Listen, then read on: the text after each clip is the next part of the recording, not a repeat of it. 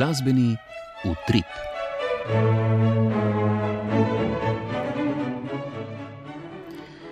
Lepo pozdravljeni, spoštovane poslušalke, cenjeni poslušalci.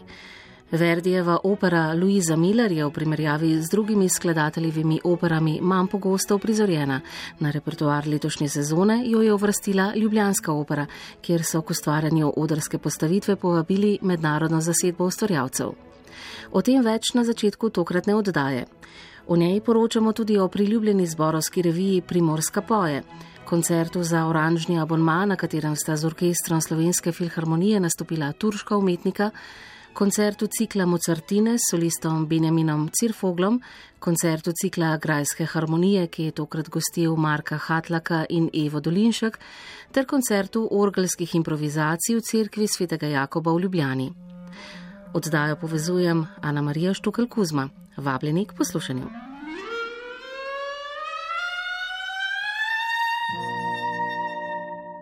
V fokusu.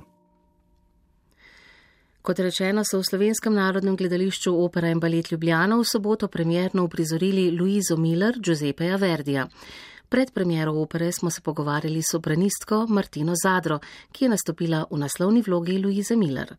Ja, vloga je krasna in izjemno zahtevna, tako da se že od oktobra meseca ukvarjam s to vlogo. Jaz bi rekla, da je to sicer je, je ena izmed mlajših Verdijevih oper in je v smislu ene gradacije vloge, gre seveda proti bolj dramskemu koncu. In so tudi take spremembe, da začne bolj mladostno, koloraturno, lahkotno in pol, pol se začenja drama, seveda, ker izhaja iz, iz drame, ki se dogaja na odru. In si je treba um, dobro razporediti snage, tako da tudi ta gradacija lepo uspe proti koncu, ne, seveda tragedija je, ne, tako da. Tudi igravsko je izziv in, in uh, lahko se je zauživeti, ker je uh, krasno napisana tudi kot Šilerjev, na Šilerjevo dramo, tako da je tudi libreto zelo kvaliteten in seveda Verdijeva glasba itak vrhunska. Ne. Režiser naše Louise Miller je znani in zelo cenjen režiser. Lutz Hochstrate, ki je bil tukaj že večkrat, je sodeloval z Ljubljansko opero. Jaz sem prvič s njim tukaj sodelovala, ko sva delala uh, Traviato, on je režiral Traviato, ta predstava še, še vedno, še danes igra na našem odru. Tako da je režiser, ki dela klasično in sem zelo zah, uh, hvaležna našem Branku Robinšaku, ki je zdaj umetniški vodja opere, ravnatelj da ga je povabil spet in da smo imeli možnost s enim tak kvalitetnim režiserjem sodelovati.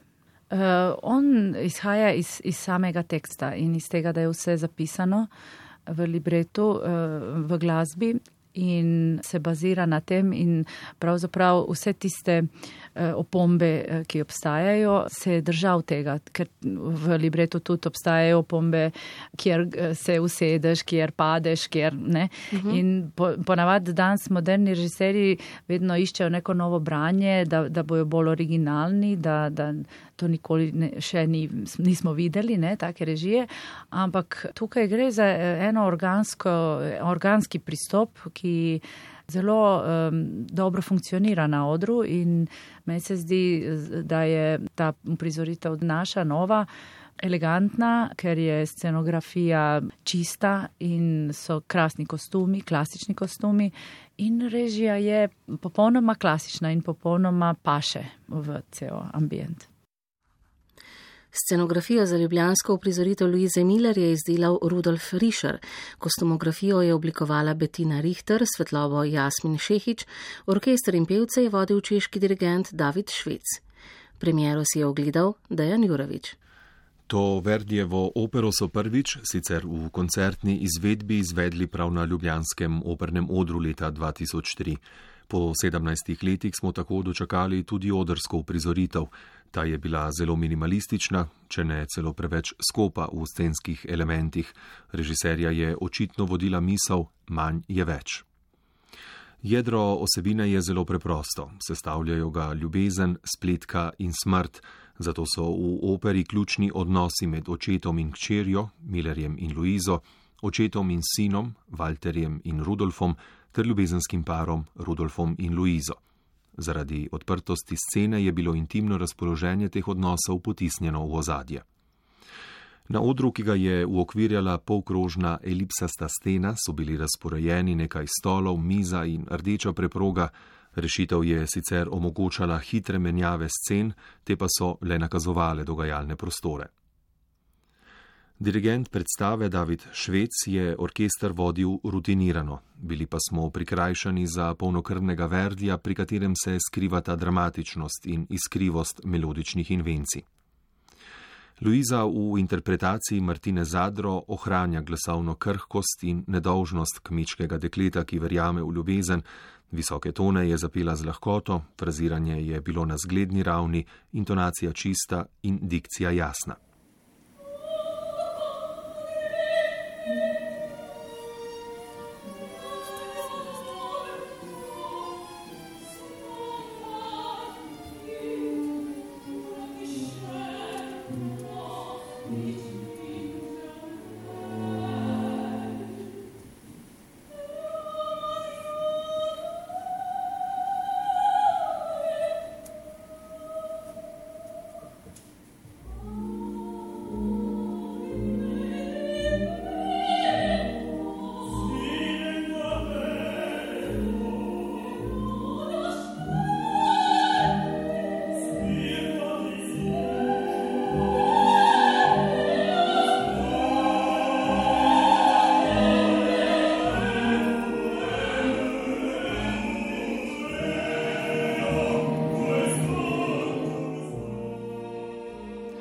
Dobra sta bila tudi Petar Martinčič kot Walter in Nuška Drašček Rojko kot Vojvodinja. V vlogi očeta Millerja se je predstavil Turk Džinejt Insal, ki ga sicer odlikuje ta topla in žametna barva glasu ter zgledna odrska prezenca, čeprav je nekoliko nenavadno dosegal visoke tone.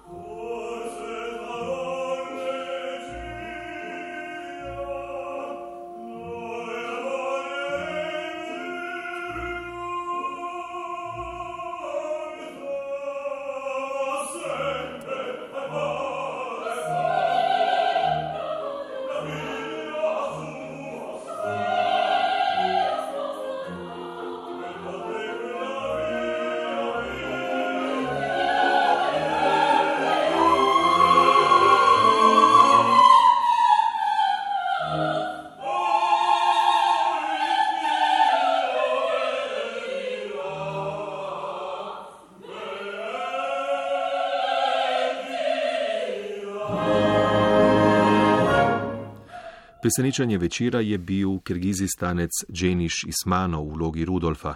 Z lahkotnostjo, svežino, prodornostjo in bleščečim glasom je zasluženo prejel najbučnejši aplauz. Gostovanje oziroma nastop mladega tenorista, ki je hkrati debitiral kot Rudolf in v Ljubljanski operi, je bila odlična poteza vodstva.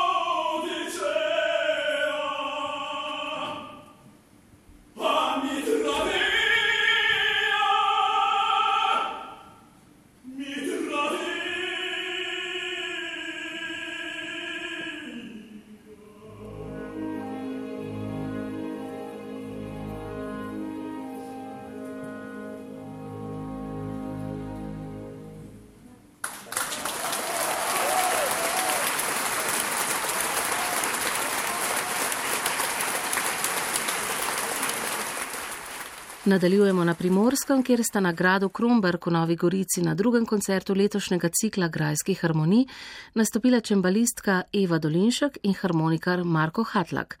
Drzen in inovativen duo je izvedel zanimiv repertoar klasične in sodobne glasbe. Prispevek Tatjane Gregorič.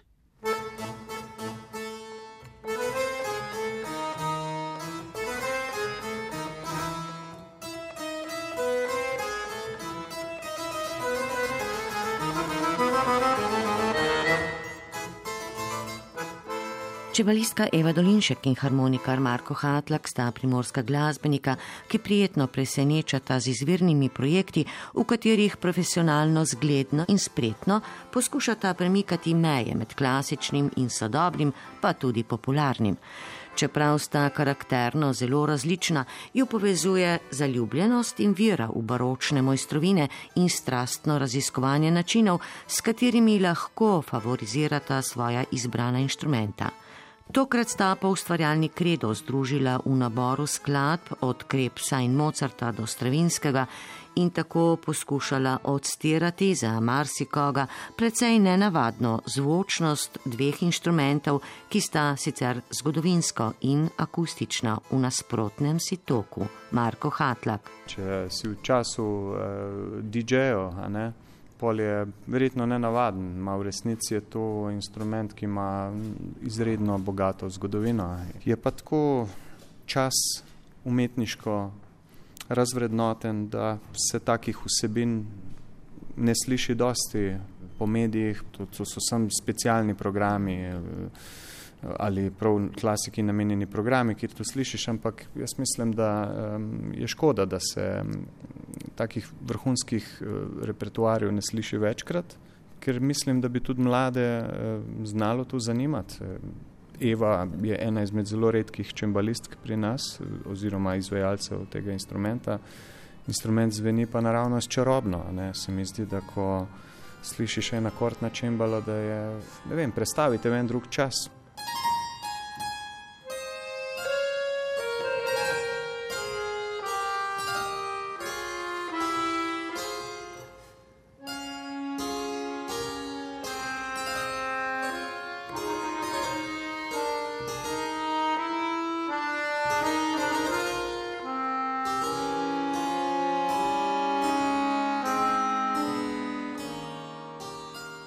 Prvem skupnem projektu Eva Dolinšek. Ja, čembalo ima, eno, eh, ima bolj specifičen zvok, eh, ki spominja na, na kitaro in njegov zvok mal, k malu potem izveni.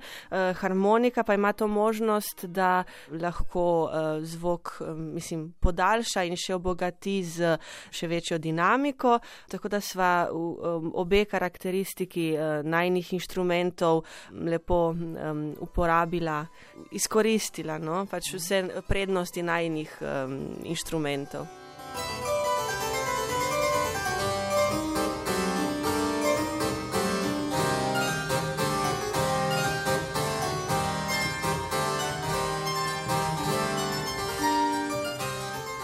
Eva Dolinšek je svojo virtuoznost dostojno predstavila tudi kot solistka v izvedbah skladb Skarlatja in Balbastra.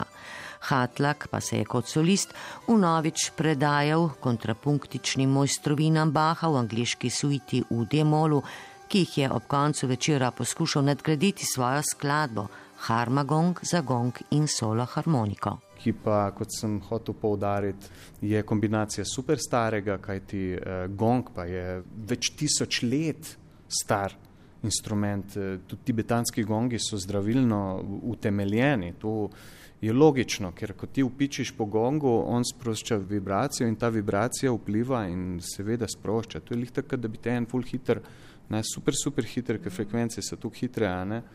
Eh, na drugi strani pa harmonika s svojo sodobnostjo eh, hočem zrcali današnji čas, ta živčni, hitri čas, ki se nič ne zapomnemo, ampak skozi je polno neke navlake in nekega da ne bom preveč eh, grdo se izrazil, ampak eh, preveč cenene in brez globine eh, vsebine. Tako da nekako ljudem je všeč in mislim, da je neka simbioza, kot pravim, tega miru in nemiru.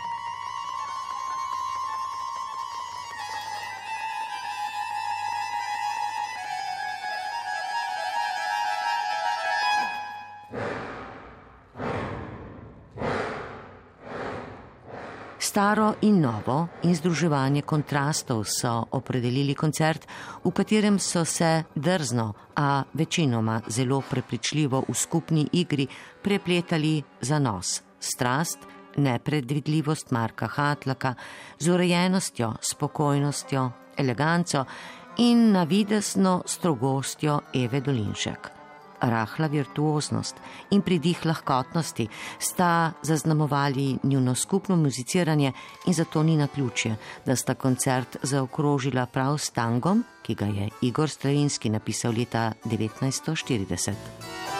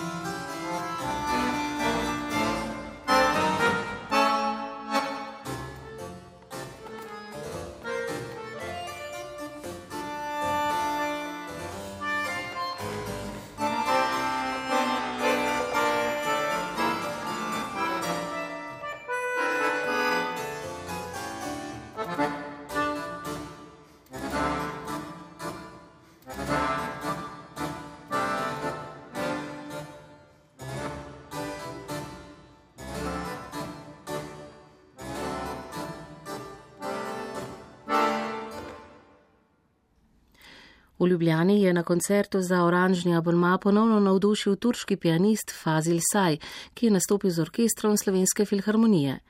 Poročilo z koncerta je pripravil Andrej Bedjanič.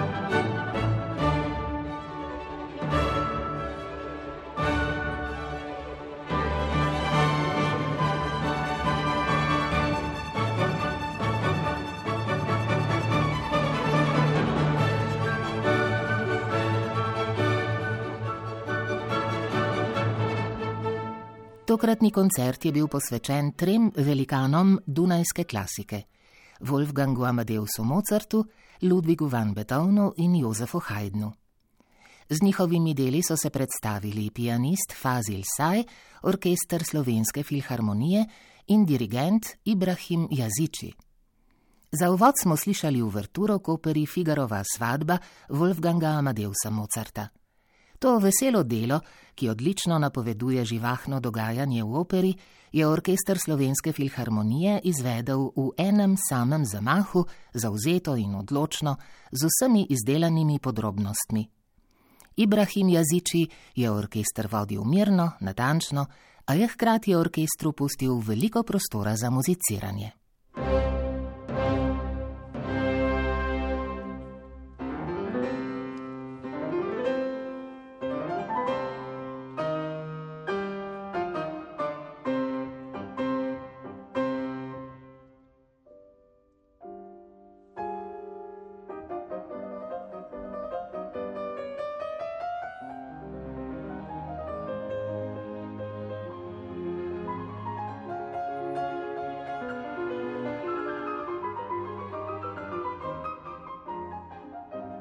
Sledil je koncert za klavir in orkester številka 3 v C-molu opus 37 Ludviga van Beethovna. Kot solist je nastopil turški pianist in skladatelj Fazil Saj, mimo grede, njegovo Istanbulsko simfonijo je orkester Slovenske filharmonije izvedel leta 2013 v okviru oranžnega abonmaja. Saj je klavirski part izvedel na visoki umetniški ravni. Tehnične težave je razrešil z osupljivo lahkoto, dinamika pa je bila na meji mogočega. Pokazal je tudi zavidanja vredno muzikalnost in bogato glasbeno domišljijo. Orkester Slovenske filharmonije je svojo vlogo odlično opravil, solista je podpiral, odlično se je izkazal tudi v delih, ko je prevzel vodilno vlogo. Dirigent Ibrahim Jaziči je orkester vse skozi vodil zauzeto in natančno, v igranje solista pa ni posegal, saj tudi ni bilo treba. Izvedba koncerta je navdušila poslušalce v Galusovi dvorani Cankarjevega doma v Ljubljani, zato so ti solista in člane orkestra nagradili z oglušujočim aplauzom in glasnimi vzkliki odobravanja, solist pa se jim je oddolžil z dodatkom.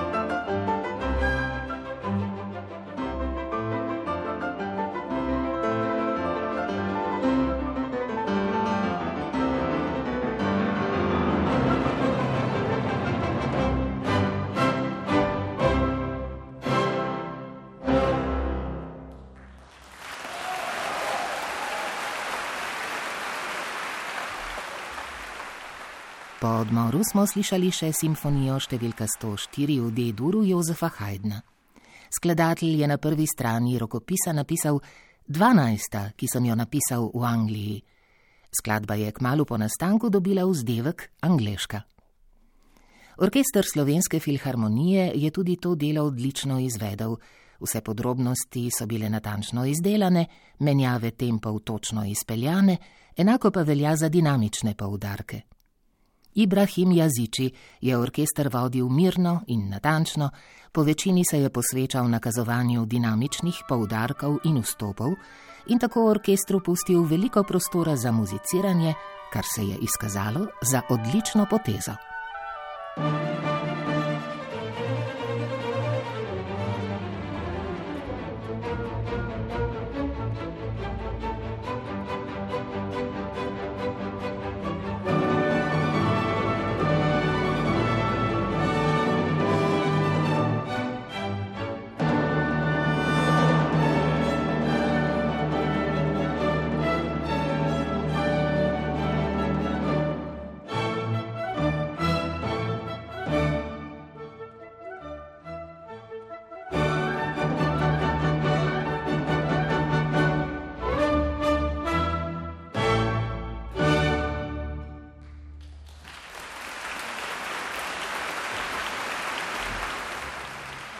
Prejšnji teden so v organizaciji Ljubljanske akademije za glasbo potekali mednarodni dnevi oddelka za sakralno glasbo. Med več predavanji in koncerti je bil tudi petkov večer koncertnih improvizacij v cerkvi svetega Jakoba v Ljubljani. Na koncertu je bila Polona Gantar.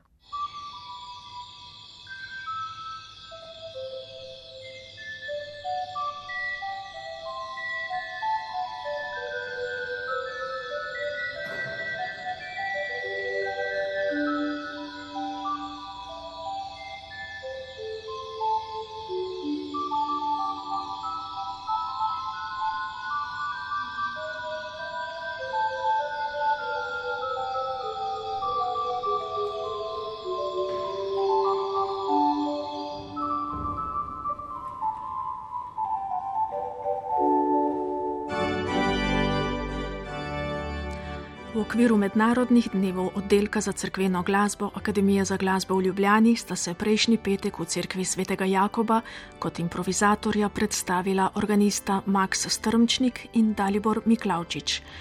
Oba kot pedagoga delujeta tudi na Ljubljanski akademiji za glasbo, bližnji sosedi Šentjakobske cerkve, katera že nekaj časa premore dvoje orgel. Na koru kraljujejo prenovljene jenkove pneumatske orgle, spodaj so že nekaj let na razpolago manjše in novejše orgle, delo orglarske delavnice Močnik. Improvizatorski izziv, po drugi strani pričakovanja poslušalcev, so bila morda zato še toliko večja.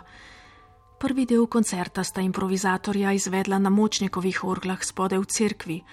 V programu, primernem baročni zasnovi inštrumenta, sta predstavila nekaj pozno renesančnih oziroma baročnih ter klasicističnih glasbenih oblik.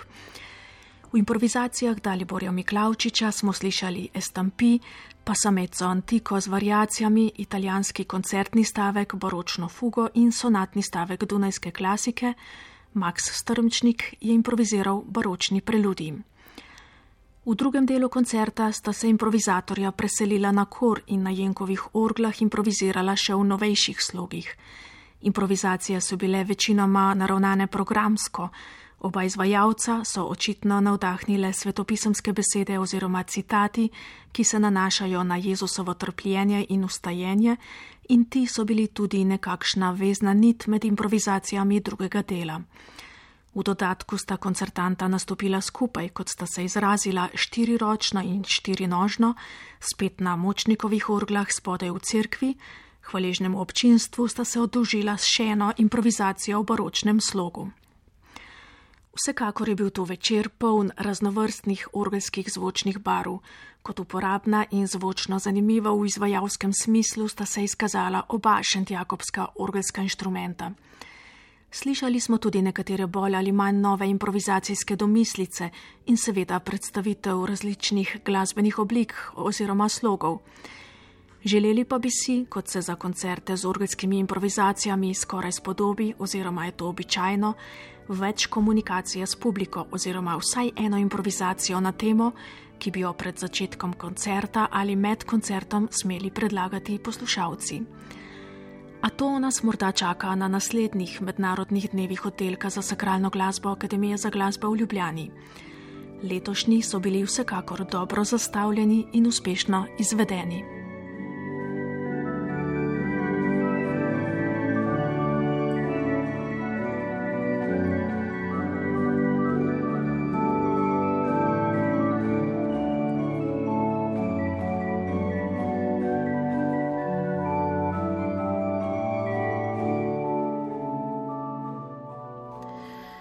Nadaljujemo z najbolj množično pevsko revijo Primorska poje, ki se je začela v Vili Vipolže. Tudi 51. leto po vrsti ohranja svoj sloves številčnosti, povezovalnosti in poslanstvo prijateljstva. V 34 primorskih in zamejskih krajih se bo predstavilo okoli 220 pevskih sestavov. Prvim je v petek v Goriških brdih prisluhnila Branka Kljun.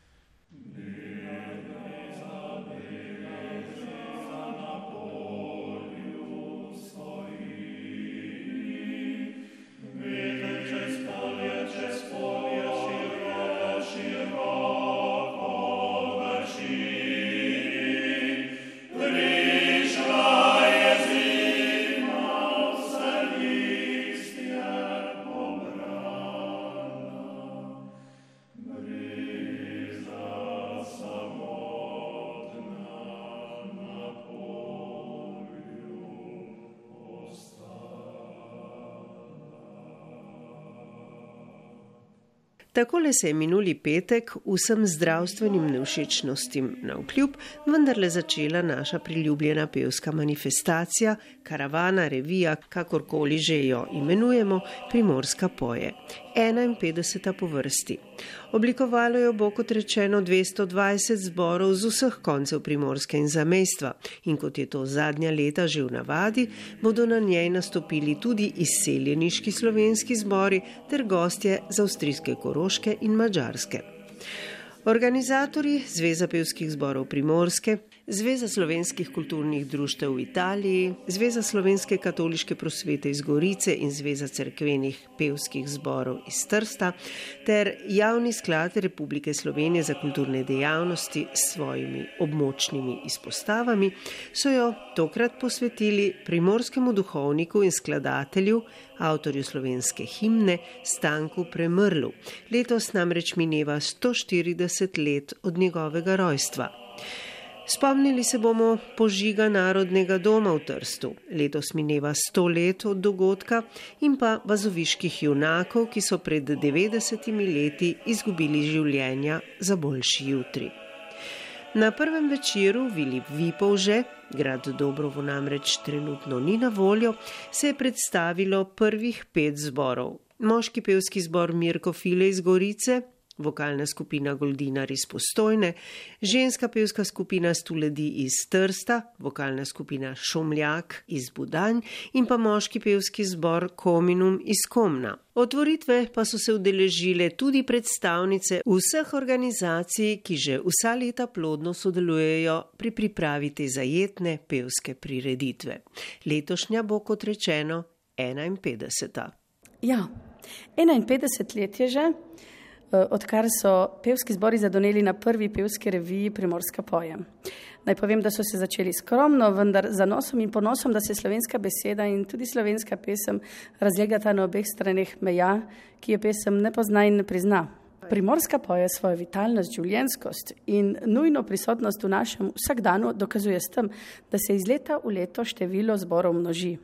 Tu se srečujejo stari pevski zbori, ki se jim z velikim zanosom pridružujejo na novo ustanovljeni zbori in so živ dokaz, da se nas zvoki dotaknejo, da nas ganejo, pa naj si bodo kot spomin na našo zgodovino ali kot utrip medsebojnega povezovanja.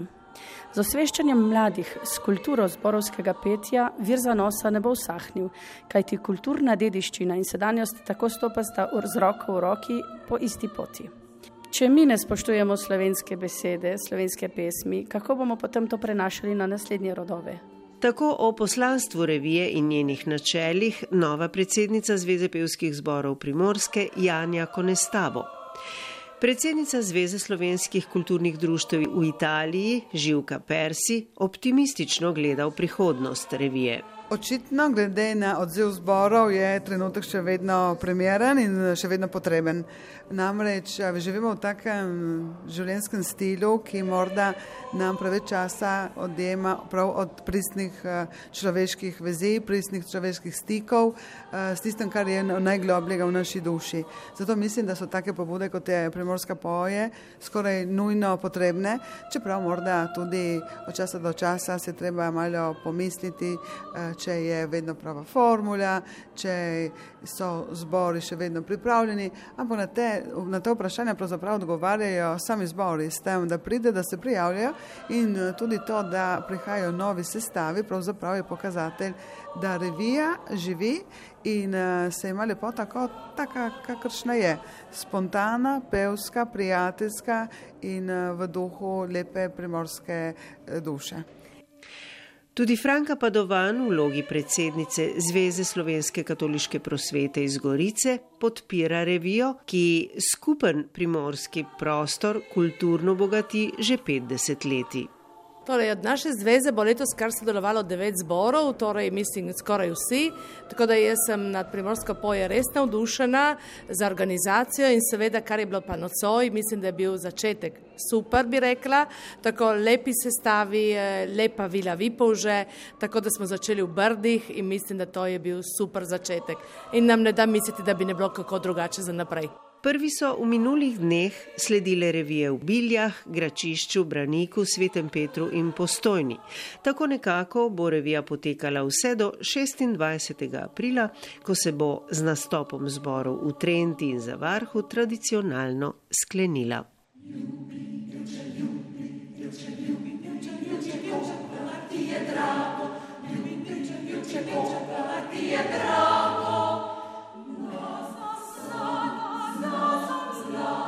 ne vivero, lo, lo,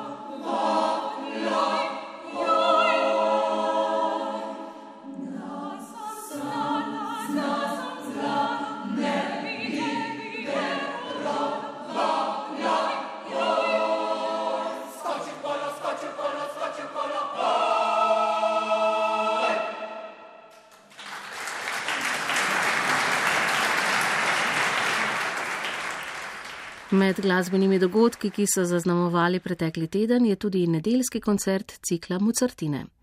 Več o dogodku v prispevku, ki ga je pripravil Andrej Bedjanič.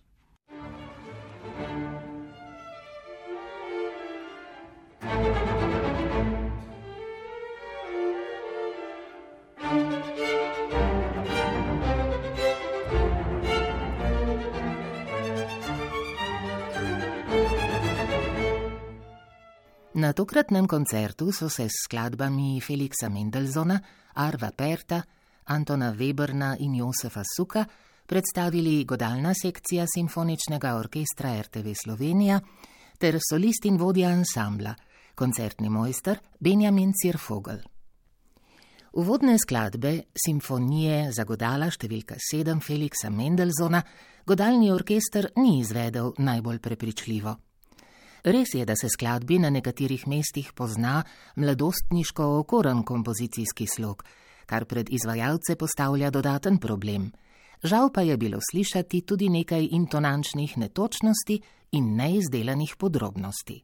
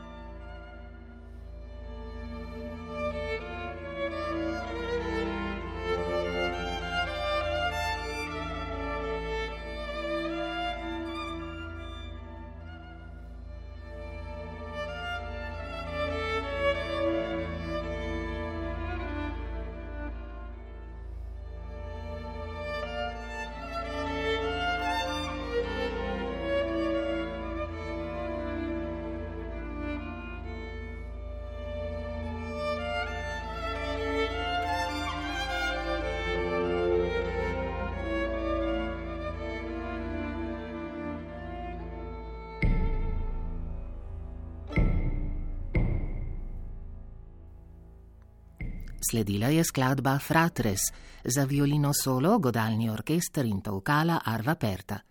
To delo so glasbeniki odlično izvedli.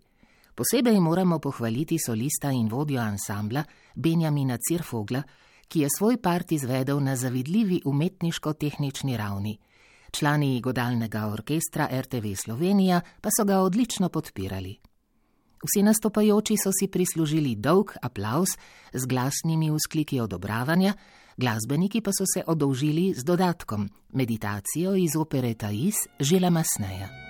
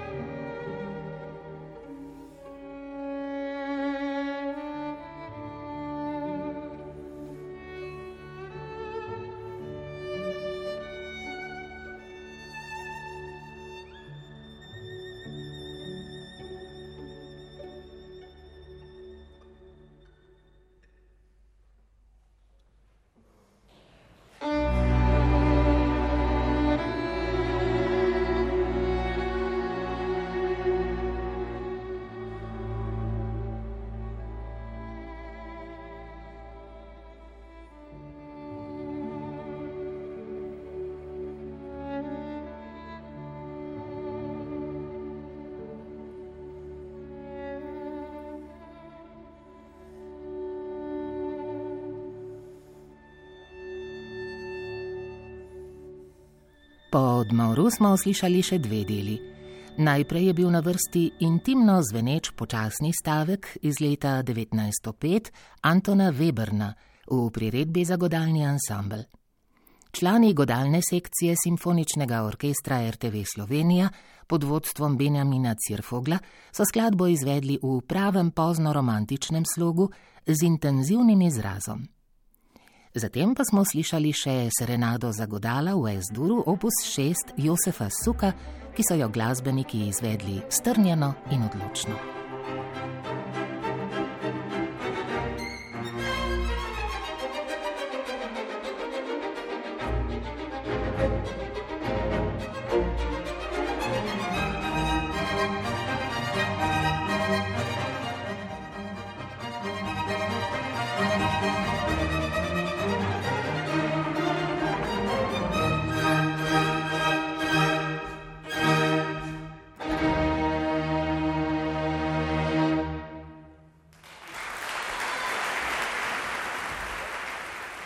Ob koncu oddaje še pogled v tujino. V sklopu praznovanja 250-letnice rojstva Ludvika van Betona so v četrtek v mestni knjižnici na Dunaju odprli razstavo Beethoven in njegovi založniki. Na odprtju so krstno izvedli tudi fragment doslej neznane skladateljeve klavirske skladbe, ki so ga januarja odkrili v rokopisni zbirni mapi, v kateri je več skladb in osnutkov iz Beethovenove mladosti. Skladba obsega 16 taktov. Zveni kot Lendler, vendar je v šestesminskem taktu, kar je za ta ples nenavadno, so povedali na odprtju. Na razstavi, ki bo odprta do 30. oktobra, bo mogoče videti izvirna betonova pisma, ki so jih zaradi težko berljive pisave prepisali, pa tudi rokopisno zbirno mapo z doslej neznanim fragmentom klavirske skladbe.